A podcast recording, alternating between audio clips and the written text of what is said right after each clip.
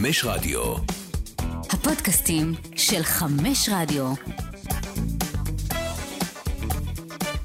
סטרץ' פוד, פרק מספר 7, ואנחנו מתחילים בכל הכוח את ההכנות לאליפות העולם, שתתחיל בעוד קצת יותר משבועיים באסיה. דורון אילת אה, שוחרר לבקשתו מהפרק היום, אז אני הבאתי שני רכשים מאוד אה, משמעותיים אה, שיעזרו לי כאן היום להכין אתכם לאליפות העולם. מימיני עומר לוטם, אהלן. יורוסטפ עוד, וממולי גם יורוסטפ, אבל קצת אחר, פרופסור אלפרין, עודד, בוקר טוב. בוקר טוב, מה נשמע? בסדר גמור, אז אנחנו קצת uh, מתרגשים סוף סוף לראות משחקי כדורסל רשמיים אחרי שהסתיימה לה העונה האחרונה, ואנחנו נעשה לאורך כל תקופת אליפות העולם uh, הכנה, גם כל- תוך כדי המשחקים ודברים הרבה יותר ספציפיים, אבל היום קצת להכין את כולם לטירוף הזה שנקרא מונדו בסקט. נענה על כל מיני שאלות כלליות uh, שמנחות את האליפות העולם הקרובה. ואנחנו נתחיל עם שלושת השחקנים שהכי מעניין אתכם לראות ושאתם הכי מצפים אה, לראות אותם במדים של הנבחרות שלהם, אז אה, אלפרי, נתחיל איתך. כן, אני הכי, כן, אני הכי מבוגר. לא, כן, כי אתה כן, אני הכי ותיק. הכי ותיק. פרופסור, זה לפי אה, תארים. אני אגיד שבאופן כללי, אנחנו עדיין לא יודעים את הסגלים הסופיים, וזה משהו שהוא חשוב, כי יש פה כמה שחקנים שנקרא לזה שאנחנו לא סגורים האם הם יגיעו. אז אני אתחיל עם, ה... עם מי שבטוח יגיע, ואז אני אלך... אוקיי. אני אתחיל עם לוקה, שזה obvious. קונצנזוס. אה, קונצנזוס שהוא באמת גם כנראה הכוכב הגדול ביותר שמגיע לטורניר הזה, וזה טוב מצד אחד, אבל חבל מהצד השני. אה, לוקה הרזה, כמו שאנחנו קוראים לו בימים אלה. ואין מה לעשות, שדונצ'יץ' מגיע לשחק בנבחרת זה חוויה, זה must TV, אולי שחקן הנבחרות הטוב ביותר בעולם כרגע, מבחינת ה...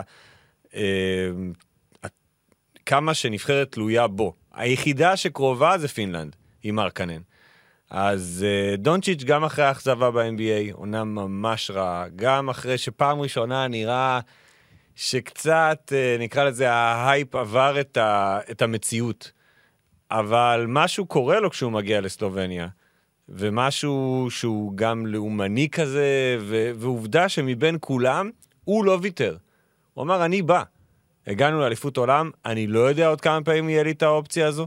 אני בגדול גם רוצה להגיע למשחקים האולימפיים בשנה הבאה, וזו הדרך, או לפחות תחילת הדרך, להגיד שסלובניה תהיה בטופ 2 האירופאיות בתוך האליפות, אני לא בטוח, אבל אם הוא שם, זאת אופציה. אז ברור שלוקה דונצ'יץ' הוא הבחור שאתה, שכולם רוצים לראות. אה, השני, בוא, או, שמתי ארבעה, וואו, איזה יופי. אבל אני, אז אה, אני... אנחנו כבר שולפים שלושה בבום. לי יש 11, אז אתה... כן, לא, אז אני, יש לי פה ארבעה שהם בעצם שישה.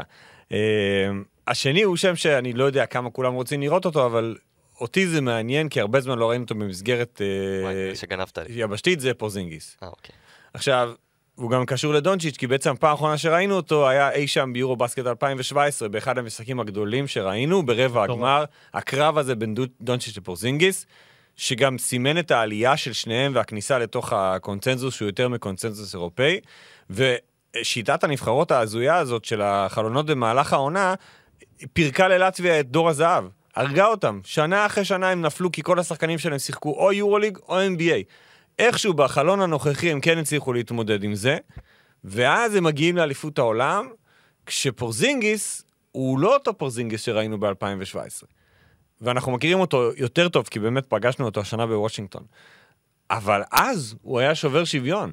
ומעניין אותי מאוד לראות איך הוא מתמודד עכשיו, שש שנים אחרי, ברמת הפיבה, אה, כמה הוא באמת גדול על טורניר כזה. אתה חושב שהיום הוא כבר לא שובר שוויון כמו פעם? לא.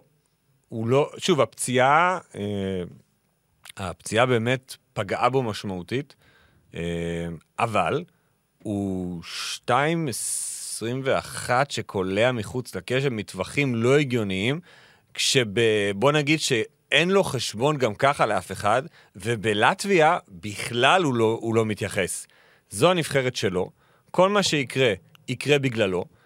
יש לידו כמה שחקנים טובים, כן? זה לא נבחרת רעה. אני חושב שהצוות המסייע הלטבי לא בטוח שהוא... הוא יותר טוב מהסלובני. בדיוק, זה, זה, זה, זה באזור הזה. וצריך להגיד שהוא בבית של צרפת וקנדה, שזה בית מאוד. מאוד קשה. זו בעיה שלו, ובעיה של הצרפתים, בעיה של הקנדים. אני חושב שנדבר על זה בהמשך בנוגע לנבחרות. אבל הוא מאוד מעניין אותי פורזינגיס. אה, ויש פה את, הס, את הנבחרות האמריקאיות והקנדיות, שנ, שבקנדה יש בעיה, כי אנחנו לא יודעים מה קורה עם ג'מאל מארי. כי- כי אם ג'מאל מארי בא, הוא בגדול אולי הכוכב הכי גדול שיש לטורניר הזה. כרגע יש משחקי הכנה והוא לא טס איתם. אבל אומרים שהוא לא טס למשחקים בגרמניה, ואחרי זה, במשחקים שיהיו כאילו יותר קרוב לבית, הוא אמור לשחק עם משחק אחד, ואז הוא, אמ- הוא יראו אם הוא יכול לטוס או לא. אוקיי, אז אנחנו נקרא, נשים אותו כרגע בסימן שאלה. אם לא הוא, אז זה שי גילג'ס אלכסנדר, שהוא בעצם המקבילה שלו, נקרא לזה בקנדה, בכלל הקנדים, שוב, נדבר עליהם בהמשך, אבל שי גילג'ס אלכסנדר אחרי עונת שיא ב-NBA, לא בטוח שהוא לא יותר טוב מכל הגארדים שיש בצד של ארה"ב להציע. אה, ואם באמת אפילו שניהם באים, אז הקו האחורי של קנדה זה משהו יוצא דופן. אבל אני רוצה לראות את גירג'ס אלכסנדר בפיבה, וזה מה שאני רוצה לראות מכל האסופה הזאת של שחקני NBA שמעולם לא היו באירופה, איך הוא מתמודד, ודיברתם על הבית הקשה, הם מתחילים משחק ראשון נגד הצרפתים. אין אה, התאקלמות פה. יאללה, מתחילים. אה, אז זה אצלהם, ואני אשמור את האמריקאים לאחר כך, לדיבור על האמריקאים. עומר, תן בראש. כן, אז אה, ג'מאל מרי זה גם השם הראשון שרציתי, כי לדעתי, אם צריך לקבוע מי השחקן הכי מוכשר, פיור טאלנט בתחרות הזאת, במונדו בסקט, זה ג'מאל מרי מבחינתי. אה, ואם הוא ישחק, זה מעניין אותי לראות בכללי, נבחרת קנדה היא נבחרת סופר מסקרנת שלא ראינו אותה מגיעה בגדולתה. אני חושב שזו פעם ראשונה שאנחנו הולכים לראות אותה אם ג'מאל מרי יגיע אה, בגדולתה, וזה יהיה מעניין מאוד לראות, לדעתי היא אפילו יכולה להגיע עד הסוף, עד כדי כך. שתעבור את השלב הראשון. לא באמת. תעבור. אתה לא בטוח שהיא עוברת? אני לא בטוח שהיא עוברת. אנחנו, בטוח, אנחנו, במאה מכיר, אחוז. אנחנו מכירים את, ה, את הדינמיקה. אז הם ישחקו משחק ראשון נגד הצרפתים. יפסידו. הצרפתים פבוריטים, בעיניי, כי הם נבחרת שיודעת לשחק ביחד, והקנדים עוד לא. הם צריכים ללמוד את זה. מפסידים, משחק שני, אני לא זוכר אם זה לטביה או לבנון, משחק שני, לא משנה מה, הם מגיעים למשחק על, על החיים שלהם נגד לטביה. נבחרת אירופאית, יודעת לשחק מסגרות של פיבה, ואנחנו זוכרים את המשחק במוקדמות, בקדם אולימפי, עם ננו? עם ננו. אני שידרתי אותו. אני לא... אני עד היום לא הבנתי איך הם ניצחו את המשחק. גם אבל, ננו לא יודע. אבל הקנדים הפסידו שם, זרקו את זה לפח. זאת אומרת שעוד לא ראינו מהם אף פעם הצלחה. כן. וכדי להצליח צריך לפעמים מסורת. ו... נגיד, מאמן חדש גם, אה, ג'ורדי פרננדס. לא, הכל חדש, הכל חדש. זה נבחרת ש... שבאמת, כמו האמריקאים, הכינו אותם מ- ממשהו... ו... ו... ושוב, הם מאוד מאוד מוכשרים, אבל לא ראינו אותם משחקים. אז אנחנו גם, אחרי משחקי הכנה, אולי גם נהיה קצת יותר חייבים לגביהם. אה, נכון, אז זה, אה, זה שחקן אחד, ג'מאל מרי. שחקן שני, שאני מנסה ללכת על אה, נקודות שאלפרין לא הזכיר בכלל, נבחרת סרביה מגיעה ללא ניקולה יוקיץ', אה, ובעמדת הסנטר הפותח כנראה אמור להיות ניקולה מילוטינוב. שאני, אה, בניגוד אליך, אני אומנם חובב יורוליג וזה, אבל ליגה רוסית, נגיד, השנה התנתקתי. לא ראיתי, לא עקבתי, כאילו... הוא היה אה, מדהים. זהו, אז... אז אז מה? מה זה אומר? לא, זה, זה מה שבאתי להגיד, הוא היה לא. ראיתי, אני מתייחס לניקולה מיל, מילוטינו, ולפי מה שאני זוכר אותו, אני זוכר אותו לטובה ביורוליג, ובעונה הבאה הוא אמור לחזור לא- לאולימפיאקוס ולהזכיר לי מה שכחתי בעצם, ואני חושב שכבר עכשיו במונדו בסקט הזה, הוא אמור להזכיר לנו שהוא אמור להיות האיש ציר והצבע המרכזי של סרביה, ואותי מעניין לראות איך הוא יהיה. לדעתי אם הוא נותן מונדו בסקט טוב, אז זה, זה איזושהי אה, הנחה שאנחנו הולכים לראות כנראה גם בעונה הקרובה. אז זה שם אחד שמאוד מעניין אותי לראות.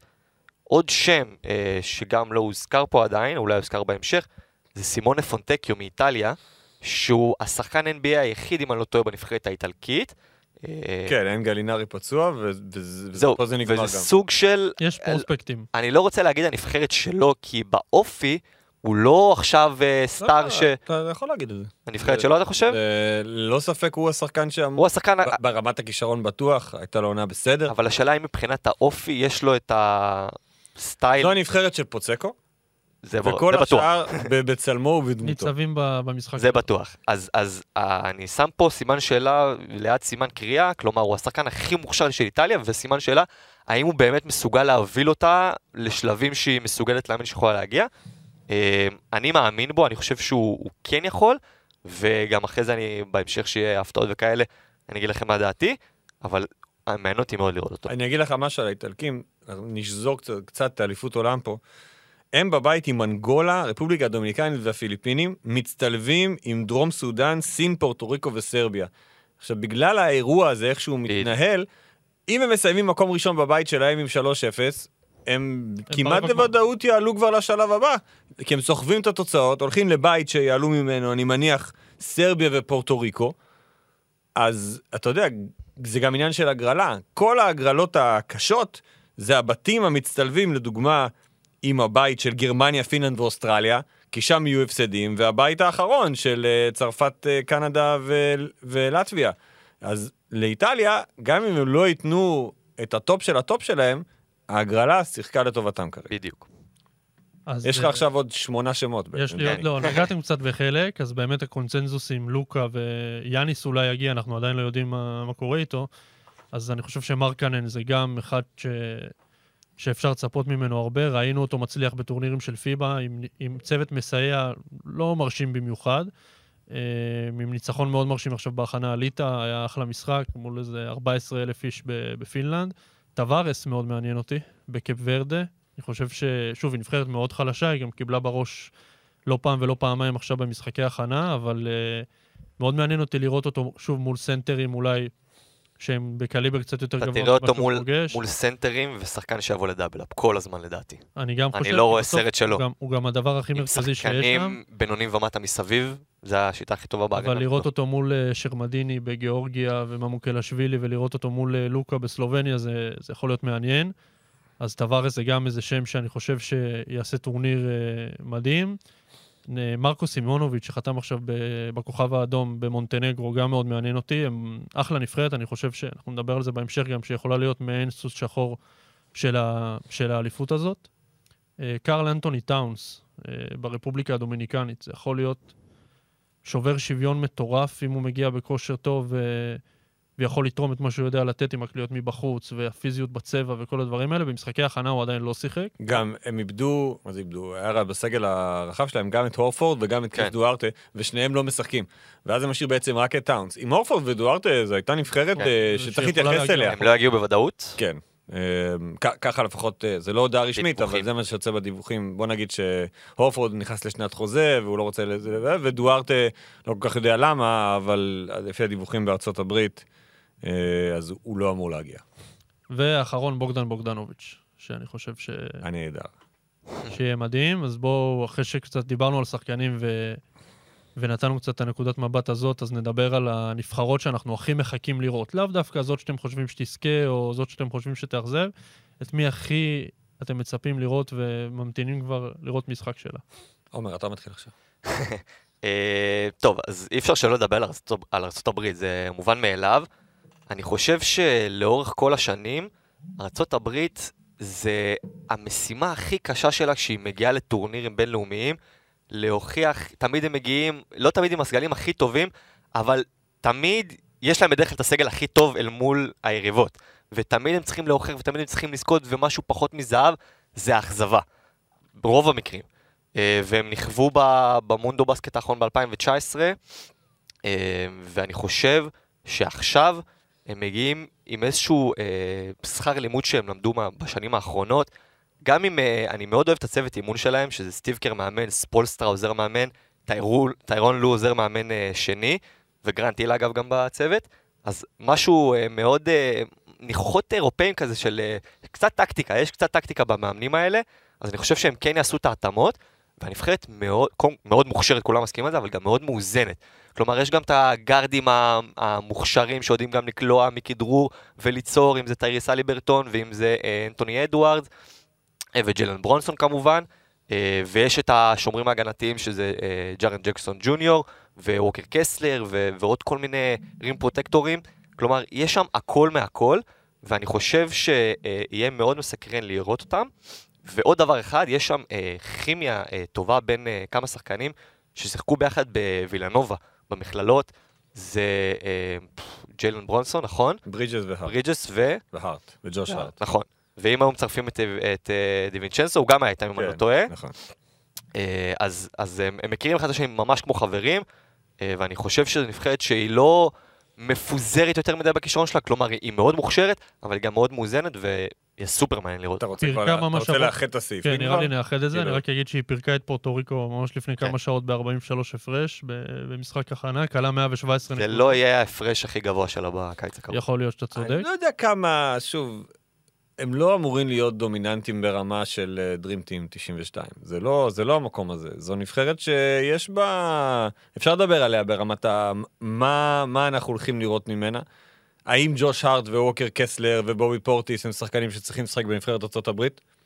אני... התשובה היא, התשובה היא לא. ברור שלא, אם אוקיי. אתה מביא את כולם. בסדר, אבל אתה אמור לייצר, אתה אומר, היום כשאירופה ושאר העולם, הרמה עלתה, ואם אתה לא בא עם הטופ של הטופ שלך, אתה פגיע. לא אומר שאתה לא טוב, אני אומר שיש אופציה לפגוע בך, וזה גם המקרה הפעם. תמיד, כש, כאילו שוב, אם הם מגיעים בנבחרת הכי הכי גדולה, שמביאים את כל הסופרסטארים של... אין, זה לא, זה לא... זה לא זה לא שיחה. נכון, נכון. אין מה לדבר על זה. כן. פה יהיה אפשר לדבר על זה, כי אין להם אף סופרסטאר שזכה בתואר ב-NBA, אין להם פה איזה MVP, אין להם, אין להם, אתה יודע, מסתכלים על האליפויות עולם האחרונות, אז תמיד ה-point of reference, הדוגמה הטובה ביותר זה 2010 עם קווין דורנט. הביאו את קווין דורנט ב-2010 והוא סחב על הגב שלו נבחרת לא טובה של ארה"ב, אבל הוא היה מגה סופרסטאר. עכשיו, האם אנחנו אומרים שאנטוני אדוארדס, או ג'יילן ברנסון, או טייריס אליברטון, כשאנחנו במשחק צמוד, נגד נבחרת סרביה, מישהו שם יכול לקחת את הנבחרת הזאת על הגב, ואתה אומר בוודאות, ב-100%, הנה, הוא עושה את זה. אני לא חושב שיש את השחקן הזה שם. אני לא מסכים איתך. חסר לי את השחקן הזה. לי חסר אותו. אני חושב ש... שוב, ארה"ב זה גם מכורח הנסיבות אין מה לעשות. אנחנו, אני חושב, נסכים על זה שהסגל עצמו מבחינת שחקנים הוא הכי טוב באליפות. כן. גם הסגל הקיים. ואני מסכים שיש בעיה שהם לא מגיעים עם כל הכוכבים, אז כן, אתה מרגיש שחסר שם משהו, אבל בסוף, אני כן חושב שהם עדיין פייבוריטים. כי אם היה רשום על, ה... על הגופייה, היה דגל אחר, אז היינו מסתכלים ואומרים, וואו, זה, זה, נ- אין דברים כאלה, 12 שחקני NBA, תמיד אנחנו. משווים את זה למה שיכול היה להיות. השאלה אם באמת הם, הם פגיעים, גם ב, ב, אם אנחנו מסתכלים על הסגלים האחרים באליפות, אם אתם רואים, אולי חוץ מקנדה, נבחרת שבאמת יכולה לפגוע בארצות הברית. זה בכלל לא קשור ל- לסגל הנבחרת, זה קשור למה הם מציגים מולם ברמה הטקטית, והאם הנבחרת ארה"ב יכולה להתמודד עכשיו עם uh, אזורית מתחלפת uh, 40 דקות? שאלה, שאנחנו, אין לנו תשובה. נכון. אנחנו בשלב מאוד מוקדם של ההכנות, ופורטו ריקו היא נבחרת שמתאימה לארה"ב כי היא משחקת כדורסל אמריקאי. אנחנו רוצים לראות אותה מול הפאוור האוסס, כשהוא שוב, נגיד, אם נסתכל, אתה יודע, מהשמות הגדולים, יש את הצרפתים, יש את אוסטרליה, קנדה שמשחקת אותו דבר, אז יכול להיות שדווקא מבחינת ה... המצ'אפ יהיה הברית יותר קל להתמודד מולה. סרביה, ליטא, כל הנבחרות האלה שאמור, יוון, עם יאניס, בלי יאניס, לא יהיה להם כיף לשחק נגד היוונים. הם יצ... הם יעצבנו אותם. זה לא, זה לא שאני אומר שהם לא טובים. אני רק אומר שאפשר אפשר לחשוב שיש את המקומות לפגוע בהם, לדוגמה, אה, שוב, מתחת לסל, זה, זה הדבר הכי בולט בעיניי, שגם קסלר וגם פורטיס, אה, אוקיי, סבבה, הם שחקנים מאוד משניים. לא, אה, יש להם את ג'ארן ג'קסון ג'וניור, שהוא לפניהם ב... מה העמדה שלו פה? מה הוא משחק בעדיפות הזאת בעיניך? שיחק ארבע. חמש הבוקר. אוקיי, הוא משחק חמש. 4-5 יכול לשחק בשניהם. הוא חמש חלש, אוקיי? ברמה הפיזית. שוב, אני חושב שג'ארן ג'קסון ג'וניור הוא מדהים. לא ראיתי אותו אף פעם משחק משחק כדורסל בר... כזה. אני יודע איך הוא משחק ב-NBA, אני לא יודע איך הוא משחק בפיבה. אני לא יודע. אני יודע שאם הוא עומד ליד הסל, באזורית או whatever, אי אפשר לעשות סל. אני, אני חושב בגדול שאתה מחפש יתרונות, אז אוקיי, ג'ארן ג'קסון, הגנתית אני לא רואה מי יכול לשמור עליו, כי, כי הוא מאוד מאוד אתלטי. אינגרם, לא יודע באיזה עמדה הוא לא משחק. לא הזכרנו את השם שלו. גם. לא יודע באיזה עמדה הוא משחק. חמישייה הבוקר שיחק שלוש. שלוש, אוקיי. זה... הוא, הוא, הוא שובר שוויון בעיניי. כי הוא שלוש שיכול לשחק עם הכדור, ואין הרבה כאלה. אתה תחפש שומרים כאלה על ה perimeter, אולי חואנצ'ו, אבל זה, אה. לא, זה לא ברמה הזו. די, נו. לא, אבל אני אומר, לשמור עליו, שוב, זה לא יהיה עבודה של שחקן אחד. כן. אבל אם הוא בא כמו שהוא, אז... ברור. ויש שחקנים, בדוגמת אוסטין ריבס, שהוא שחקן שכן יכול להתאים לכדורסל האירופאי, ברמת ש- איך שהוא משחק. ואתה יודע, משחקים נגיד לפתוח את המשחק, קלעים נהדר, אתלט, חודר, חכם, לא מפחד, גם ראינו בפלייאוף האחרון. אז הוא דווקא, אני כן אומר, אוסטין ריבס הוא מעניין אותי. אז כן, הם הכי טובים, אבל יש את האבל הזה, הוא שם. ואם במקרה אנחנו נראה אותם במוקד... בהכנה, קצת מגמגמים, ראינו אותם מפסידים לסלקט טים, שזו הנבחרת השנייה, בעצם השלישית, וכבר אז התחילו להגיד, רגע, רגע, רגע, אולי זה לא מספיק טוב, אולי נביא... אוקיי, זה מהר מאוד אה, מתהפך בארצות הברית. זה, בוא נגיד שזה, אתם חושבים שזה יותר תלוי בהם מאשר באחרים? לגמרי. או ש... כי אני בסוף, איפה שאני כן רואה אותם מתקשים, זה באמת מול נבחרות אירופאיות, שיבואו להפתיע עם אלמנטים טקטיים. ראינו את זה גם במונדו בסקט, ופופוביץ' לא, לא יודע כל אז כך... פה, מה- פה אני חייב להגיד, גם למה ציינתי את, ה, את הסגל של המאמנים, כי אריק ספולסטרה זה מאמן שגם בפלייאוף NBA שמר אזורית. כלומר, היה לו את במה דבאו שם מתחת לסל שכל הזמן יצא לפי החוקים של ה-NBA, אבל האזורית הייתה שם לאורך כל הפלייאוף, והוא ניצח משחקים והעיף את מילווקי, ולקח משחק אחד מדנבר בגמר, בגמר ה-NBA. הוא יודע איך לעבוד נגד אזוריות, הוא יודע איך לשמור את זה, איך לנהל אזוריות בהגנה, ואיך לעבוד טקטית נגד אזוריות באימונים. אז אני מניח שגם חשבו על זה כשהרכיבו את סגל המאמנים, סטיב קר זה גם מאמן שאנחנו יודעים, זכה כבר במיליון אליפויות, ואריק ספולסטרה זה במיוחד להיבט הטקטי הזה, אל מול האלמנטים הטקטיים האירופאים שדיברת עליהם. ברור שזה תלוי בהם. זה תלוי גם באיך הם ישמרו. מה שאתה יודע, ראיתי ככה, לא הצלחתי לראות את כל המשחק, אבל ראיתי מהכתבים האמריקאים שמאוד התרשמו היום מההגנה שלהם. ראינו המון חסימות, ו... שכאילו שיש אה, מנטליות הגנתית. ואתה מסתכל על הסגל הזה, אתה באמת רואה שם מנטליות הגנתית. כאילו, יש שם שחקנים, בטח קם, ברידג', קם ברידג'ס, או מיקל ברידג'ס, קם ג'ונסון, קסלר, ג'ארן ג'קסון, כולם שחקנים שיש להם ticket הגנתי לא פחות מאשר ticket התקפי. אז אולי אומרים, אוקיי, גם אם יש לנו יום לא טוב בהתקפה, יכול לקרות, שומרים עלינו אזורית עכשיו 40 דקות, הכדור לא נכנס, אף אחד לא יקלע עלינו סל. או לפחות אנחנו ברמה האתלטית יותר טובים מכולם, אז אנחנו נתמודד ככה. אז כן, זה שלהם לקחת, אבל תמיד כשאתה בא לאליפויות האלה ויש 31 נבחרות שמסמנות לך חץ על הגב, איקס כזה, אתה, יהיה לך קשה. כי אין להם את העליונות הטוטלית שאמורה להיות לנבחרת ארה"ב כשהיא מגיעה לאליפות כזו.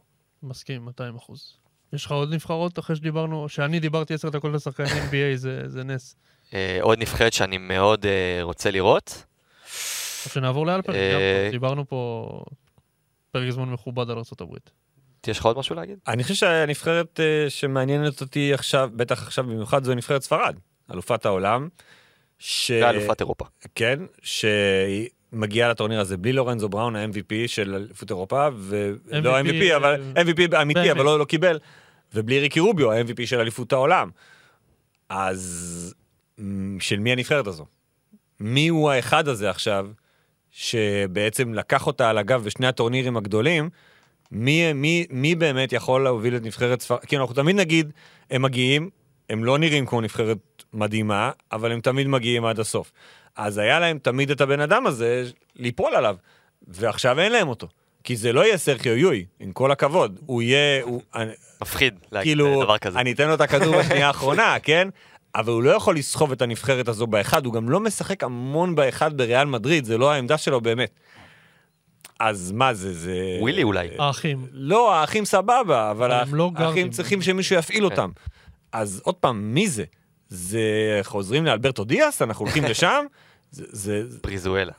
יש, יש שם בעיה, יש שם בעיה בעמדה הזו, ששוב, אני לא חושב שהם תכננו את מה שקרה עם ריקי, וגם גם אם ריקי היה מגיע, הוא מגיע אחרי שנה שהוא היה בחוץ עם קרע ברצועה צולבת, אז זה לא אותו ריקי של 2019. אז זה, ה- זאת הדילמה והסוגיה המרכזית בספרד לקראת הטורניר. ברור לי שהם הולכים ללכת חזק, אבל אם אני זוכר נכון, הם מצטלבים עם הבית של, של צרפת, קנדה ולטביה. ולכן, נכון, כן, אתה אתה צודק. נכון. לכן, אוקיי, הבית המוקדם הם יעברו, יש להם איראן, חוף השנהב וברזיל, אז הברזילאים ייתנו פייט, כי יש להם את אה, קבוקלו וכל החבר'ה שאתה אוהב. אה, הם אמורים לעלות. הם חייבים לעלות עם 3-0. חייבים. צריך להגיד, אנחנו מדברים על זה פה הרבה, נגיד רגע מה השיטה, כי זה פיבה ו... כן, לא והכל הכל מוזר- והכל פשוט. מוזר. אה, שמונה בתים של ארבע נבחרות בשלב הראשון, שתיים עולות מכל בית לשלב השני, ובעצם מצטלבות, זאת אומרת, בית אחד מצטלב עם שתיים, בית שלוש עם ארבע וכן הלאה, וסוחבות את התוצאות מהבית הראשון. זאת אומרת, בבית השני, כל קבוצה משחקת עוד שני משחקים מול שתי הקבוצות שהעפילו מהבית המקביל. אז יש פה חשיבות מאוד מאוד גדולה גם לתוצאות שאתה סוחב איתך מהבית הראשון, זאת אומרת, לעלות זה לא מספיק. חשוב ו- גם לנצח, וכל הפסד פה יכול להכריע את הכף, ואתה יכול ללכת הביתה ולא לעשות רבע גמר. וגם משחקי הדירוג פה, האלה שלא עולות, גם חשובים, כי יש פה, אתה צריך להגיע לטורניר הקדם אולימפי, וזה קשור לדירוג שלך באליפות הזו, וגם אם אתה רוצה להגיע ישר למשחקים האולימפיים, אז אתה צריך להיות הראשון מהיבשת שלך, או במקרה של ארצות הברית, של אמריקה ואירופה, שתיים. טופ שתיים ביבשת כדי להגיע למשחקים האולימפיים, וזה מאוד מאוד חשוב כדי לוותר, כי הטורניר הקדם אולימפי הוא רצח. ראינו את זה ונראה את זה גם בשנה הבאה, זה טורניר קשה. כל הנבחרות מגיעות בשיא הסגלים שלהן כדי להגיע באמת למשחקים האולימפיים, ועדיף לוותר על התענוג הזה, כי קשה לעלות משם. לא משנה. הפורמט קצת השתנה, זה הולך להיות, אה, אם אני לא טועה, שישה בתים של ארבע, של, סליחה, ארבעה בתים של שש קבוצות ורק אחת מעפילה מכל בית. כן, בסוף עולות רק ראשות הבית. עוד ארבע עולות, כאילו שזה- בשנה הבאה. שזה טורניר סופר אה, קשוח. ומה- ו- ואם אנחנו נעלה בכלל, אני מקווה. שם. אני חייב להגיד רק במשפט על ספרד, שתמיד מעצבן אותי שאני, אתמול בלילה אגב עברתי על הבתים ואמרתי, עשיתי את ה bracket שלי. אה, אני לא אשתף אתכם עכשיו בכל הברקט, לא אעלה אתכם בזה, אבל מעצבן אותי תמיד אה, להגיד על ספרד שהם לא יעברו או לא יגיעו רחוק. פשוט מעצבן אותי, לא, אבל זה מעצבן אותי, באמת עם השיטה אני הזו, פוחד מהם. בשיטה הזו, כשאתה רואה עם מי הם מצטלבים, יש סיכוי. שספרד. לא עוברת את שלב הבתים השני. סיכוי גבוה מאוד. יש סיכוי כזה. קנד, קנדה. מה זה יש סיכוי? לדעתי זאת תהיה הפתעה אם הם יעברו את השלב השני, זה. לא שיש סיכוי. אני אז בגלל זה אני אומר, אני מהמר נגדם ואני פוחד. אבל, שוב, מכיוון ויש להם בית מוקדם יותר קל, הם יכולים לסיים אותו עם ב-3-0, 3-0, ואז הם עם... כשהצרפתים והקנדים יעלו, או הלטבים עם 2-1, ואז הם צריכים עוד משחק אחד לנצח מבין אחת מהשתיים הללו, והם עולים. זה, ו, ו, וזה גם תרחיש שאני חושב שאפשר להסתכל עליו. אה, אתה רוצה עוד נבחרת? אני רציתי לדבר על ברזיל. אתה רוצה... אני... ברזיל היא מהנבחרות שצריך לדבר עליהן, לפני עוד כל האחרות? נבחרת שאני מחכה לראות, אוקיי. אבל שוב, לא דיברנו פייבוריטית, הפתעות והכל, נבחרת שאני מחכה לראות זאת ברזיל. אני חושב ש... שיש שם סגל גם שמוכר מאוד ל... לעכברים של הכדורסל האירופאי, עם יאגו שעכשיו אה, חתם בכוכב, וברונו קבוקלו שגם זכה באליפות בגרמניה, ווורטס, ופליסיו, וכל ה... וגיא סנטוס מ... מגולדן סטייט, ויש שם... אה, בניטה מגיע? כן, מגיע, מגיע. מגיע? כאילו ראיתי אותו ב extended אז, roster. אז הוא אוקיי. מגיע. אה, אגב, בניטה ובאסס לדעתי זה אותו בן אדם, אה, מגרן קנן. הוא עזב את גרן קנריה, גם סיפור עצוב מהקיץ האחרון. אבל אה, כן, זאת נבחרת שאני מאוד רוצה לראות, ואני חושב שהמשחק מול ספרד יהיה אחד המעניינים בשלב הבתים, אני רוצה לומר. וזה משהו שאני מאוד מצפה לו, ואנחנו מפה נתקדם אה, בשיח ישיר למי יכולה להיות הפתעת הטורניר. סוס, סוס שחור כזה שאף אחד לא מצפה, אני מתכוון נבחרת שאו שתזכה פתאום נגד כל הסיכויים, או שתעשה רבע גמר בלי שציפו ממנה או משהו כזה, ואלפרין, שוט. אני לא יודע אם זה לא ש... שבלי שיצפו ממנה, אבל אני חושב שהגרמנים זו נבחרת שצריך להתייחס אליה ברצינות, ואני לא אופתע אם היא תלך מאוד רחוק, למרות הבלגן עם אה, מקסי קליבה שלא מגיע. עדיין היא מגיעה גם עם שרודר וגם עם האחים וגנר, וגם עם uh, סגל, נקרא לזה סגל יורוליג טוב מאוד, uh, ודניאל טייס. זו נבחרת מסוכנת. שרצה כבר כמה שנים ביחד, כאילו הגרעין הזה, אמ, ו, ו, ואנחנו לא נחשיב אותה כמעצמה אירופאית, אבל כשאתה מסתכל על החוסרים שם, לעומת החוסרים בנבחרות אחרות, לגרמניה אין כמעט חוסרים. קליבה זה עניין אה, פנים-נבחרתי, אבל כל מי שאמור להגיע בנבחרת גרמניה, הגיע, התייצב, כולל מאוד או לא, הכל, כולם. שעשו גם אחלה יורו בסקט. כן, כן, הם עשו אחלה יורו בסקט, זו נבחרת חזקה, מסוכנת, שאני באמת חושב שהיא יכולה לה- לעשות דברים מאוד מאוד מעניינים בטורניר הזה, כי היא גם משחקת בשני סגנונות. יש לה סגנון אמריקאי ויש לה סגנון אירופאי, יש לה שחקנים מכאן ויש לה שחקנים מכאן. אה, אה, כוכבית, הבית המוקדם שלה כן. קשה. אתה תופתע אם הם לא יעברו? כי אני, אני לא מאוד, בטוח. אני מאוד אופתע. אני- הבית קשה, אבל אני מאוד אופתע אם לא עלו. להגיד שפינלנד, ה- השמות, אם מסתכלים רגע על, ברמת השמות, יש שם מרקנן, וכל השאר הם, הם נאן פקטור ב, אפילו ברמת יורוליג. אין שם שחקנים. אבל הם יודעים לשחק, זהו, הם יודעים הם יודעים לשחק בשבילו. עם מאמן שיודע מה לעשות, וראינו איך הם עשו, איזה מסע מדהים הם עשו ביורובסקט האחרון. אה, וכן, אני רואה את פינלנד פתאום מפתיעה את גרמניה או מפתיעה את אוסטרליה, ואז אה, הכל פה מתערבב. שוב, אני חושב שהגרמנים יותר טובים, חד משמעית, בהרבה אפילו. אין שאלה בכלל. ואני אני מאוד אופתע אם לא יעברו את השלב הראשון, אבל, אה, אבל שוב, זה, זה, זה גם העניין של אוקיי, עברת את השלב הזה, מבחינתם, בבית המקביל, בית די קל, יש שם סלובניה, גיאורגיה, ונצואלה וקייפ ורדה, לא משנה מה יגיע מהבית השני, אז הסיפור יהיה המשחק נגד סלובניה, ניצחת אותו ועלית. כי אז אתה תנצח, אוקיי, אני חושב שהגרמנים יכולים לעשות את זה. בעיניי נבחרת באמת טובה. שוב, כוכבית שלב מוקדם, אבל אני, אני שם עליהם את הנקודה שלי. הנבחרת שלי זאת נבחרת שאולי אתם תופתעו לגלות שבחרתי אותה כהפתעת הטורניר מבחינתי, היא איטליה. אני חושב שהסגל שלה הוא לא מוכשר, אני לא מגדיר אותו סגל מוכשר, כלומר הוא מאוד כבר מבוגר, אבל... יש שם חבר'ה צעירים שעשו נכון. משחקי הכנה מדהימים. נכון, נכון, ואני גם מדבר אחרי זה שנלך לאקס פקטורים וכאלה, אבל אה, אז יש שם את כל השחקנים שאנחנו מכירים, שזה ניקולו, ניקולו מלי ואקילה פולונרה, וברוכים לי שמות. פונטקיו, וספניולו, נכון. פרוצ'ידה. נכון, נכון. אז אחלה אה, פרוצ'ידה, יהיה מעניין לראות אותו. בדיוק, אז הוא שם שאני ארצה לדבר עליו בהמשך, אבל מעל כולם, אני מת, מת, מת על פוצקו, ואני חושב שבטורנירים האלה, לא תמיד ה- הסגל הכי מוכשר מנצח, ולא תמיד הסגל הכי מוכשר מוציא את המקסימום מעצמו, ואני חושב שמה שחשוב בטורנירים הקצרים האלה, שיהיה לך מאמן שאתה סומך עליו, ואנחנו, ראינו, ואנחנו רואים את זה עכשיו גם ב- בכל הטורנירים האלה של העתודה כדורסל, וגם אפילו בכדורגל, שהיה להם אופיר חיים כזה, לא יודע, מאמנים שבאמת, אתה משחק בשבילם, ובשבועיים, שלושה של התחרות, אתה נותן בשבילם הכל, ו- וזה לא כמו בעונה שיש לך עונה שלמה, ואתה יכול לריב עם מאמן.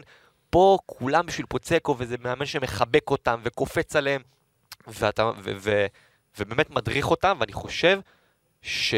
אה, גם על פונטקיו בהתחלה, שאני חושב שהוא נתן עונה אדירה, עונה טובה מאוד ביוטה, ואני חושב שהוא מסוגל להוביל אותם, ויהיה מאוד מעניין לראות אותם, לדעתי הם יכולים אפילו לעשות הפתעה, חצי גמר. זה רק מזכיר שלא דיברנו על בנקרו בארצות הברית, שגם כן, הוא חשוב חבל, מאוד, חבל, כן. אבל בנקרו לא מגיע בסוף לסגל האיטלקי, החליט ללכת עם ארצות הברית, משהו שמאוד פגע גם ברגשות האיטלקיים, אבל אוקיי, אני יכול להבין את בנקרו. זה... גם אוסטין ריבס אה, סינן את גורדון הירברט כן, והלך אה. לארה"ב במקום גרמניה. כן, אבל היית שם את בנקרו בנבחרת האיטלקית, אז גם, יש. להם, יש להם גם שחקן צבע שאין להם בעצם כרגע, אין להם איזה חמש, אה, אבל, וגם בנקרו, שוב, בקו הפנים האמריקאי, הוא, הוא שחקן נהדר בעיניי, וגם הייתה לו עונה טובה, אבל הוא לא באיטליה בסוף.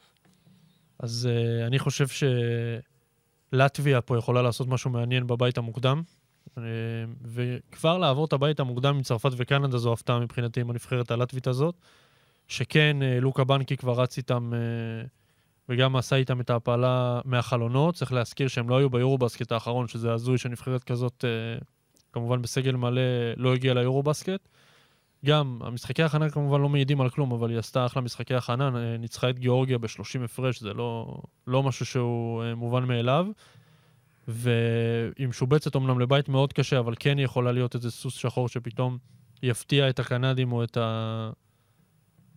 אה, את הקנדים או את הצרפתים. סליחה, ו, ובאמת יע- יעלו לשלב הבא.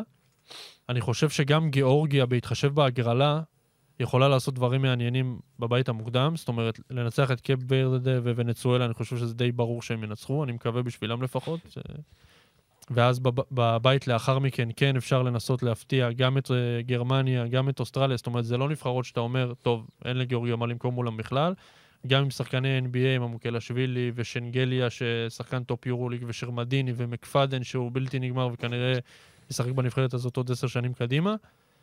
אה, אני מרגיש שהם לא מספיק מאוזנים. אני מסכים איתך. זה לא נבחרת שאני כאילו שם עליה, אני לא בונה עליהם. כי גם ראינו אותם באליפויות אירופה, תמיד זה, יש להם איזושהי נקודה שאי אפשר להמשיך, כי אוקיי, קו פנים באמת מדהים, מקפדן אחד, הגארדים חלשים ברמה הזו, אה, ובלי גארדים אתה לא יכול לנצח לאורך זמן. אז אני כן, שוב, בית מוקדם יחסית קל, הם אמורים לעבור אותו, יותר משלב בתים שני, זה יהיה משהו בלתי נתפס בעיניי. ומונטנגרו, שהייתי חייב לציין פה שלרוב כי הם לא מצליחים ביורובסקטים האחרונים, אז קצת שוכחים מהם, אבל קנדריק פרי כמתאזרח זה, זה שובר שוויון, הוא קורא לעצמו כבר קנדריק פריץ', אם ראיתם ברשתות, שזה טירוף. דובלביץ' אה, בעמדת הסנטר עם סימונוביץ', שחתם עכשיו בכוכב האדום, ודינו רדונצ'יץ', שגדל בריאל. מדריד, וווצ'ביץ', כן. ובאמת הולך להיות שם משהו שאני לא אתפלא בכלל אם הם יוכלו איכשהו להפתיע, הם מצטלבים אמנם גם כן. עם אה, ארצות הברית ויוון כנראה. אתה חושב שהם יעברו את השלב השני, נגיד שהם עוברים את הראשון? שוב, זה תלוי ב, במה הם עושים בזה, אלפרין פה... כן, כי מבטל התשובה שלי גם. לא. לא, אני, יש לי, שוב, מונטנגרו זה נבחרת שכל פעם אנחנו אומרים עליה שהיא תהיה סוס שחור, וכל פעם היא... היא רואה שחורות. כן. כן, כאילו היא מתקלקלת משהו שם לא... אין להם את המנטליות הסרבית, נקרא לזה ככה, לא יודע להסביר את זה. הם באמת נבחרת טובה, זה לא גיאורגיה. שם יש גם קו פנים וגם קו חוץ. איבנוביץ', שאנחנו מכירים אותו גם מהיורו-קאפ, גם מהיורו-ליג, ואם הוספת את קנדיק פרק עם מתאזרח באמת ברמה גבוהה, אז אתה אומר, למה שזה לא יהיה טוב? אבל תמיד זה לא טוב. משהו מתקלקל שם בדרך. אני לא, אני לא יכול לשים על זה את האצבע. מזכיר לי איזה נבחרת אחרת. לא, אנחנו לא ברמה הזאת. זה לא, לא אנחנו. אה, אתה יודע מה, אני אדבר על עוד נבחרת, אה, בבית של מונטנגרו ליטא. זאת נבחרת שגם היא כאילו לא הכי סקסית, כלומר, יש שם אה, שחקנים, יש שם שחקני NBA, ולנצ'יונס, אה, ועוד שחקנים ברמה, ברמת היורוליג, שחקנים טובים, אבל היא עשויה לעלות מהבית הזה במקום הראשון, ואני מהמר שהיא היא תעבור גם את השלב השני, כלומר, היא מצטלבת עם אה, ארה"ב ויוון, יוון, אם מגיעה בלי יאניס, אז זה משהו אחר לגמרי, ואני רואה אותה פייבוריטית אל מול יוון, אם יוון מגיעה בלי יאניס. אה, אז אני חושב שגם יש לה זה סיכוי... דלאפ, לא? מה? אתה גם חושב שליטא פיבוריטית מול יוון? אני חושב שליטא בגדול, בלי בת- יאניס? בטורניר הזה, ליטא מגיעה אחת הנבחרות הכי פחות טובות שלהם מבחינת כישרון מזה תקופה. אה, ז'לגיריס על ספידים כזה. לא, יש המון המון פציעות, אה, סבוניס לא הגיע, אז, נכון. אז, אז יש ולנצ'יונאס, עוגן, חבל על הזמן, הרבה תלוי ביוקובייטיס, מה הוא, איך הוא מגיע לטורניר הזה. אה, רז דיקיס. כן, אה, מוצ'ונס. ממש ז'לגיריס. זה, נכון. לא, בוא נגיד שהיו נבחרות אבל זה טופ יורוליג. כן, אבל היו נבחרות ליטאיות הרבה יותר חזקות, וגם הם איכשהו תמיד, ולא דווקא, לאו דווקא אשמתם, אם אני זוכר נכון, הפעם האחרונה אליפות העולם היא נפלה על השריקה נגד הצרפתים. אה, על, ה, על, על הזריקת עונשין שהוציאו להם משהו כזה, היה משהו, כן. שהמאמן שלהם אמר, איך יכול להיות, הם עובדים ארבע שנים, ואז בא השופט הזה וגומר אותנו. מקס ויטיס? אה, לא, לא, לא, לא, לא. אה, לא, לא מקסימטיס. קמזורה נראה לי. לא קמזורה, אולי אדומייטיס. אפילו. אדומייטיס היה. הידוע ל... כן, הידוע לשמצה. אז אני לא, אני לא חושב שהם נבחרת רעה, הם גם נראים טוב בינתיים בהכנה, אבל האמת לא ממש. לא, הם ניצחו שם, אה, הפסידו לפינלנד וניצחו את גיאורגיה על ה buzzer שם, נכון. עם אה, לא, דימשה. והם הפסידו לפינלנד על ה buzzer. הפסידו לפינלנד. עם ינטונן. כן. אמ, שוב, לא יודע. לא רגע, יודע. רגע, שאלה. כן. משחק אחד ליטא מול יוון, בלי יאניס. אתה, אני, ה- היוונים שיחקו שני משחקים מול סלובניה, וזה היה נראה טוב מאוד. זאת אומרת, גם בלי יאניס. אה, דיברת על מאמנים, איטודיס. בלי יאניס אולי יהיה לו יותר קל. כאילו. יכול להיות. כי כאילו, הוא יכול לנהל את הנבחרת. כן. אבל, ושוב, גם היוונים, אתה יודע, כשביקשנו את אכזבת הטורניר, אז כן. הדבר הבא, היוונים בעיניי הם אופציה להיות אכזבה. contender ית לאכזבה, כן. כי אני לא יודע איך הם יסתדרו, כי גם אין להם את סלוקאס ואין קלאתיס ואין יאניס, בדיוק בגלל זה אני אומר. אז יש את ווקאפ ש... שהוא בטח ייקח את הנבחרת הזו עליו, אה, אנטטוקומפו עם אחרים, כאלה ואחרים, פאפה ניקולאו, לרנצאקיס, לונציס, אבל- מיטוגלו שחזר חבל על הזמן. מיטוגלו שנראה טוב, אבל, אבל זה עוד פעם, זה עוד נבחרת שאתה אומר, אני, אני כאילו אומר, אוקיי, מצד אחד, זו יוון, אני חושב שהיא תעשה רבע גמר, מצד שני, אם היא תעוף פתאום בשלב הבתים השני, אני לא יכול להגיד זאת הפתעה גדולה, זו לא מהנבח... הם לא מהנבחרות הגדולות שיש בטורניר הזה. יש הבדל בין השמות שאנחנו מקבלים, כנ"ל לגבי סרביה, שלא דיברנו עליה. גם הסרבים יכולים להיות אכזבה פתאום בטורניר הזה. כי זה רחוק מלהיות הסגל האולטימטיבי של נבחרת סרביה. הוא עדיין סגל מצוין, אבל זה לא הסגל הכי טוב שהם יכולים להביא. אז כל הנבחרות האלה שהתרגלו להצליח עם הכוכב הגדול, ואין את הכוכב הגדול, חובת ההוכחה עליהן להראות שזה יותר מ... עם סרביה זה אפילו שניים, גם הבעל בית מיציץ' שלא מגיע וגם יוקיץ'. השחקן הכי כן. טוב של הנבחרת. אז הם. יצטרכו להראות, שברור שיש שם המון אה, כישרון בכל מיני, בכל מיני מקומות, אבל שזה יותר מזה. הם יצטרכו להראות את זה, זה, זה עליהם לגמרי. צריך להגיד אבל שתמיד כשהם הגיעו גם עם יוקיץ' וגם עם מיציץ', ב- לפחות בטורנירים האחרונים, זה נגמר במפח נפש. היורובסקט האחרון היה... זה לא זה לא ערובה להצלחה. אמ, אנחנו נתקדם למה אתם חושבים שיהיה הסיפור של הטורניר. זאת אומרת, על מה נסתכל בסוף הטורניר ונגיד, וואו, נשים את האצבע ונגיד אה, שזה היה אחד הסיפורים הג- הגדולים של הטורניר. אני אתחיל לשם שינוי, ואני הולך עם, אה, עם דינוס מיטוגלו, ש...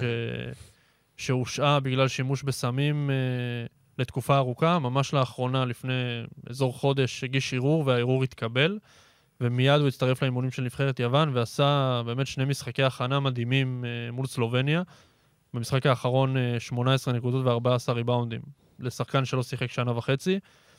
ואני כן חושב שבהתחשב בדיוק מה שדיברתם עכשיו על היעדר הניצוץ הזה ואיזה סלוקס אחד או יאניס אחד שיגיע, הוא כן יכול מעמדה 4 להביא שם משהו אחר, חדש, ש- שאולי שכחנו כבר איך הוא משחק כל כך, חתם בפנתנייקוס, הרבה הרימו גבה, אבל בשני המשחקים האלה מול סלובניה באמת ראינו למה דינוס מיטוגלו מסוגל ומה הוא יכול להביא אה, בעמדה 4 עם כליאה, עם פיזיות, עם, אה, עם זריזות בתוך הצבע, ואני חושב שאם הוא יצליח להביא את יוון לאזור רבע גמר צפונה, עם מספרים יפים ותרומה מהספסל והכל, אז זה יכול להיות אה, אחלה סיפור מה- מהאליפות הזאת.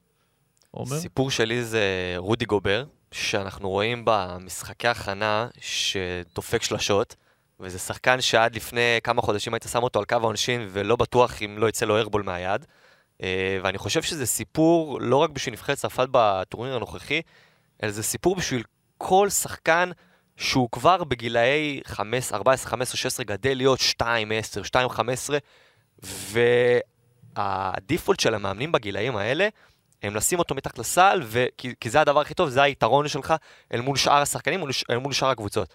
ואני חושב שזה צריך להיות סוג של מודל לחיקוי, שכבר בגילאים האלה, גם שאתה בגוב, בגבהים האלה, להתאמן על הסקילס שלך, להתאמן על הכידור, להתאמן על הכלייה, לזרוק מבחוץ, לשם הסנטרים המודרניים בכדורסל המודרני הול- הולכים, ואני חושב שאם אנחנו נראה את רודי גובר דופק שלשות באליפות הזאת, זה יפתח לצרפת המשחק וזה יגרום לפורניה ולשחקנים אחרים לחדור הרבה יותר בקלות, כי הסנטרים יצטרכו לצאת אה, מחוץ לצבע אם הם לא ירצו לתפ... אה, לקבל את השלושות מגובר. לא שאני אומר שעכשיו... אני לא חושב שהוא שם עדיין. זהו, אני לא אומר שעכשיו הוא הולך לדפוק אה, 40-45 אחוז, אבל אני אומר, מספיק שהוא נותן שלשה אחת, הסנטר יצא החוצה בהתקפה הבאה, וזה יגרום למשחק קצת יותר להיפתח. אני חושב שזה גם יעזור לצרפת בטורניר הזה, וגם יגרום לסנטרים אחרים לחשוב, אוקיי, אולי גם אנחנו רוצים להיות כמוהו, ויגרום למאמנים אחרים בעולם ובאירופה לחשוב, אולי הסנטרים שלי צריכים ללכת לכיוון הזה, ואנחנו רואים את זה גם אולי אצל רומן סורקין. אז זה סיפור שהוא מעבר לטורניר הזה. קשה לי עם סיפורים, אני לא- מצליח, כאילו, אתה יודע, יש כל כך הרבה, בגדול, כל שחקן פה הוא סיפור, זה באמת הטופ של הטופ. אומר, אני מחפש אולי איזשהו סיפור על נבחרת, אז אני אלך עם הפיליפינים, שהם המארחים, ואנחנו הולכים לקבל איזושהי חוויית כדורסל אחרת, כי זה סוג של דת, כאילו, הכדורסל בפיליפינים, אה, ואני מניח שכל משחק שהם ישחקו יהיה פסיכי לגמרי. וכשאתה מסתכל על, הבת, על הבית שלהם ועל הבית המקביל, אתה אומר שאם ג'ורדן קלרקסון, שלהזכירכם הוא פיליפיני, מי שלא ידע, אז הוא הולך לשחק בפיליפינים, ואולי, אתה יודע, מועמד מוביל למלך הסלים של הטורניר 40, על 40-45 נקודות למשחק, אין, אין דרך אחרת, יש להם סיכוי חיצוני מאוד להגיע פתאום לרבע הגמר. הם יכולים לעלות מהמקום השני, בבית המקביל, סרביה, סין, פורטו ריקו, דרום סודאן. אוקיי, לא, סבבה, לא רק... בשמיים. לא בשמיים, שקורה משהו וב- ובגורל של מנילה וכל הדברים האלה, פתאום הפיליפינים מוצאים את עצמם במקום מאוד רחוק בטורניר, ואז זה יהיה הסיפור, כי אף אחד לא ציפה. שוב, זו לא נבחרת טובה, שאף אחד לא יבין אותי לא נכון, אבל ב, ב, ב, נקרא לזה בניסי הכדורסל, עם הקהל המקומי, עם אה, הרוח הגבית וג'ורדן קלרקסון, וואלה, אולי יש שם סיפור. אולי. יכול להיות. גם, אה, אגב, דרום סודאן זה אחלה סיפור. אני לא חושב שהם יעשו משהו, אבל אה, עם לו אלדן כמאמן ראשי לעשות אליפות עולם זה לא, זה סיפור מטורף, דרום מטורף. סודאן. לפני. דרום סודאן, זה שהם באליפות, המדינה הענייה והקרועה ביותר בעולם אולי, לראות אותם כאן, שוב, די ברור, הם בעצם המון אוסטרלים יוצאי דרום סודאן, שגרים באוסטרליה ובעצם הפכו להיות שחקני נבחרת דרום סודאן, זה לא רלוונטי. הקימו נבחרת, פירקו את הקדם האפריקאי ועלו בעצם לאליפות. יוצא דופן, לא אמורים להיות כאן. אה, מאוד, נקרא לזה, מרענן לראות מדינות חדשות שאנחנו פחות מכירים.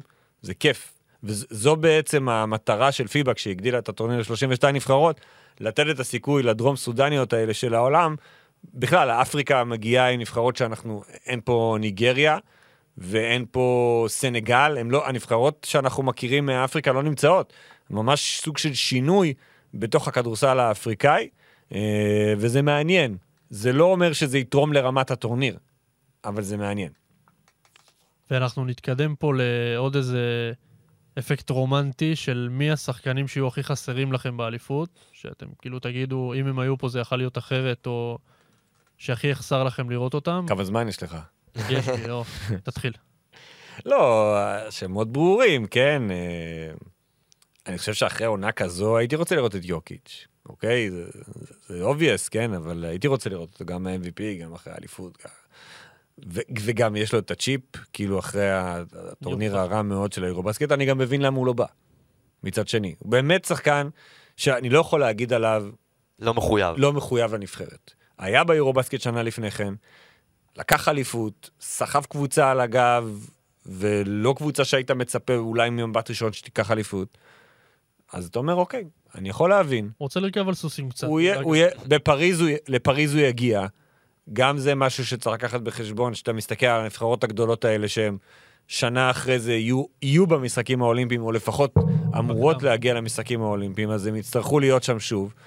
אז אני, אני יכול לקבל את, את, את האי-הגעה שלו, אה, וכמובן, כל כוכבי ארצות הברית, כל, מי, כל הכוכבים שהייתי רוצה לראות אותם, לפחות אחד, או ש... אתה יודע, משהו כזה, ש... שיהיה תחושה של, של הסטאריות הזו, שאין אותה בעיניי בנבחרת ארצות הברית, אז הכל חסר לי, כי, אני... כי זה חסר גם לטורניר. אבל זה היה החלטה של האמריקאים, הם כולם יגיעו לפריז, אני בטוח, נבחרת, אתה יודע, כאילו נגיד טרי יאנג, שאומר שהוא רוצה להיות בנבחרת הבאה. תבוא לנבחרת הזו. אה, זה אולימפיאדה, אנחנו רואים את זה גם בכל... אבל אתה לא, מס... אתה לא, אתה לא שם. אתה לא לברון, כן. תבוא לנבחרת הזו, תראה שאתה סופר סופר סטאר, תעשה לא יודע מה, תוביל אותם לאליפות העולם ותבוא אליהם, תגיד להם, תראו מה עשיתי לכם באליפות העולם, למה לא תביאו אותי למשחקים האולימפיים? הלו, אני טרי יאנג. אבל לא. יכול להיות שאולי גם, אם הוא לא יבוא, כאילו, עדיין יביאו אותו לאולימפיאדה. גם אם הוא לא יגיע. אני לא, שוב, אני לא יודע. האליפות הזו במשך השנים הייתה מקפצה לשחקנים מהדרג השני בארצות הברית, אני רוצה להגיד. אני הייתי באליפות עולם 2014. אני עכבר גם מגיל צעיר, וטסתי לאליפות לראות את המשחקים, ראיתי את ארצות הברית, וקיירי ארווינג אז בצעירותו, וקנת' פריד נתן שם טורניר מטורף, שאין מה לעשות, היו עליו הרבה יותר עיניים אחרי הטורניר הזה. אז כן אני מתחבר פה למה שאלפרין אומר על טרי יאנג, שבו תוביל את הנבחרת שבמילא חסר לה פה איזה gunner ב- בעמדות החוץ, תן איזה 25 נקודות למשחק, תראה את עצמך, אה, קח זהב, ותתקדם לאולימפיאדה כ- כמלך של הנבחרת. אבל אני מסכים פה שהוא חסר, לי מאוד חסר אה, ריקי רוביו, אני חושב גם בהיעדר לורנזו בראון ועם כל הסיפור של ריקי רוביו שלקח הפסקה כרגע מכדורסל כדי לטפל ב... בעניינים הרגשיים והנפשיים שלו, אה, שאנחנו מבינים שכנראה גם כשאתה מרוויח מיליונים, אה, לא הכל פשוט בפנים, והוא איבד את אימא שלו לפני ארבע שנים, וכנראה לא, לא התאושש מזה כל כך. בעיקר לדעתי הוא, הוא כבר משחק כדורסל ברמה הגבוהה ביותר כבר 18, שמונה- 18 שנה. 18 שנה, 18 שנה, מגיל 14. שכאילו כל העיניים על ריקי רוביו, ריקי רוביו, ריקי רוביו, ריקי רוביו, פציעה קשה, לחזור, שנה הבאה כבר אומרים, אוקיי, הוא כבר חוזר לספרד, ואז פתאום הוא מגיע למחנה אימונים, ויכול להיות שהוא אומר, אני, אני לא יכול, לא מסוגל להכיל את זה. וראית, אני חושב שזה ממש השינוי שחל בכלל בעולם הספורט, התגובות היו כל כך מפרגנות. לפני עשר שנים הוא היה אומר את זה, היו אומרים עליו, יורדים עליו. אתה פחדן, מה זה השטויות האלה? בוא תשחק. לא, אז אנשים מבינים שזה, שיש פה יותר מכדורסל, ושוב, לפחות כלפי חוץ. אני לא יודע מה קורה בפנים, לא יודע איך אנשים מתייחסים לזה, אבל זה הנפש שלו, אתה לא יכול להגיד לו, תכריח אותו לבוא, ומה זה יעשה? זה יעזור לך? לא, זה לא יעזור לך. אז, אוקיי, אז הרווחת גם את יחסי הציבור החיוביים, וגם נתת לשחקן באמת, כאילו, את, את, את המקום שלו, ולהגיד גם לשחקנים אחרים, כאילו, אנחנו פה איתכם. אתם, תהיה בעיה, אנחנו, אנחנו נלך איתכם יד ביד, אנחנו לא נזרוק אתכם. שזה חשוב, לראות את התמיכה הזאת ברור. ואת כל האהדה הזאת. אנחנו לקראת סיום, ואנחנו נעשה סבב הימורים מהיר מאוד. מי תזכה בטורניר? עומר? ארצות הברית. נבחרת. אלפרין? ככה? בלי הסברים? אה, אה, הסברתי את עצמי... על הוואן. אוקיי, אז צרפת, בעיניי. וואו. לא... לא, אני לדעתי- גמר ארצות הברית צרפת. כאילו, איך אני אגיד את זה? זאת ההזדמנות האחרונה של הדור הזה, הצרפתי, אה, וכשאתה מסתכל על מה קורה בשאר הנבחרות, ההתייצבות בצרפת היא, היא מופתית. פורניה, בתום, גובר, כולם הגיעו. דקולו. דקו לא, צריך להגיד. שנסור חסר קצת. הוא פצוע, כן. אני לא יודע אם הוא ישחק או לא, אבל הוא כרגע לא עדיין לא אמרו שהוא לא מגיע, אמרו שהוא לא מגיע. הוא סופי. בטוח. הוא לא כן, מגיע, כן. הוא טס. לאתונה. אבל יש להם את גובר ומוסטפא פאל. הוא טס לאתונה. כן, הם לא הביאו את ואנסן פוריה, הם עשו גובר ופל זה בסדר. אה, אוקרובו, שאני אני אישית מאוד מצפה לו, אבל אני מצפה לו כבר הרבה זמן. אני כאילו, חושב שטרי טארפי יקבל פה חלק מאוד משמעותי הוא היה בנבחרת. גם טוב בנבחרת הקודמת. נכון? אה, נבחרת מעניינת, יאבוסלה כמובן, עוד אה, שחקן מאוד משמעותי. נבחרת מעניינת. בכללי חי- יש מצב לראות אה, יאבוסלה נגד אקסום בשלב מסוים של הטורניר. אלוהים ישמור. בוא, בוא. לא, סתם, אה, נראה לי שזה כבר כן, סיפור כן, כן, נגמר. כן. אבל, אבל אני אומר שמבין כל הנבחרות האירופאיות בוודאי, הם מגיעים בסגל הכי חזק שלהם. אם דיברנו על מאמנים, אז ורסן קולה וכל השנים והכל, הם צריכים לעבור את השלב המוקדם. זאת הכוכבית של הבית הזה, לעבור אותו ולעבור אותו טוב. אין לי ספק שהם יעברו.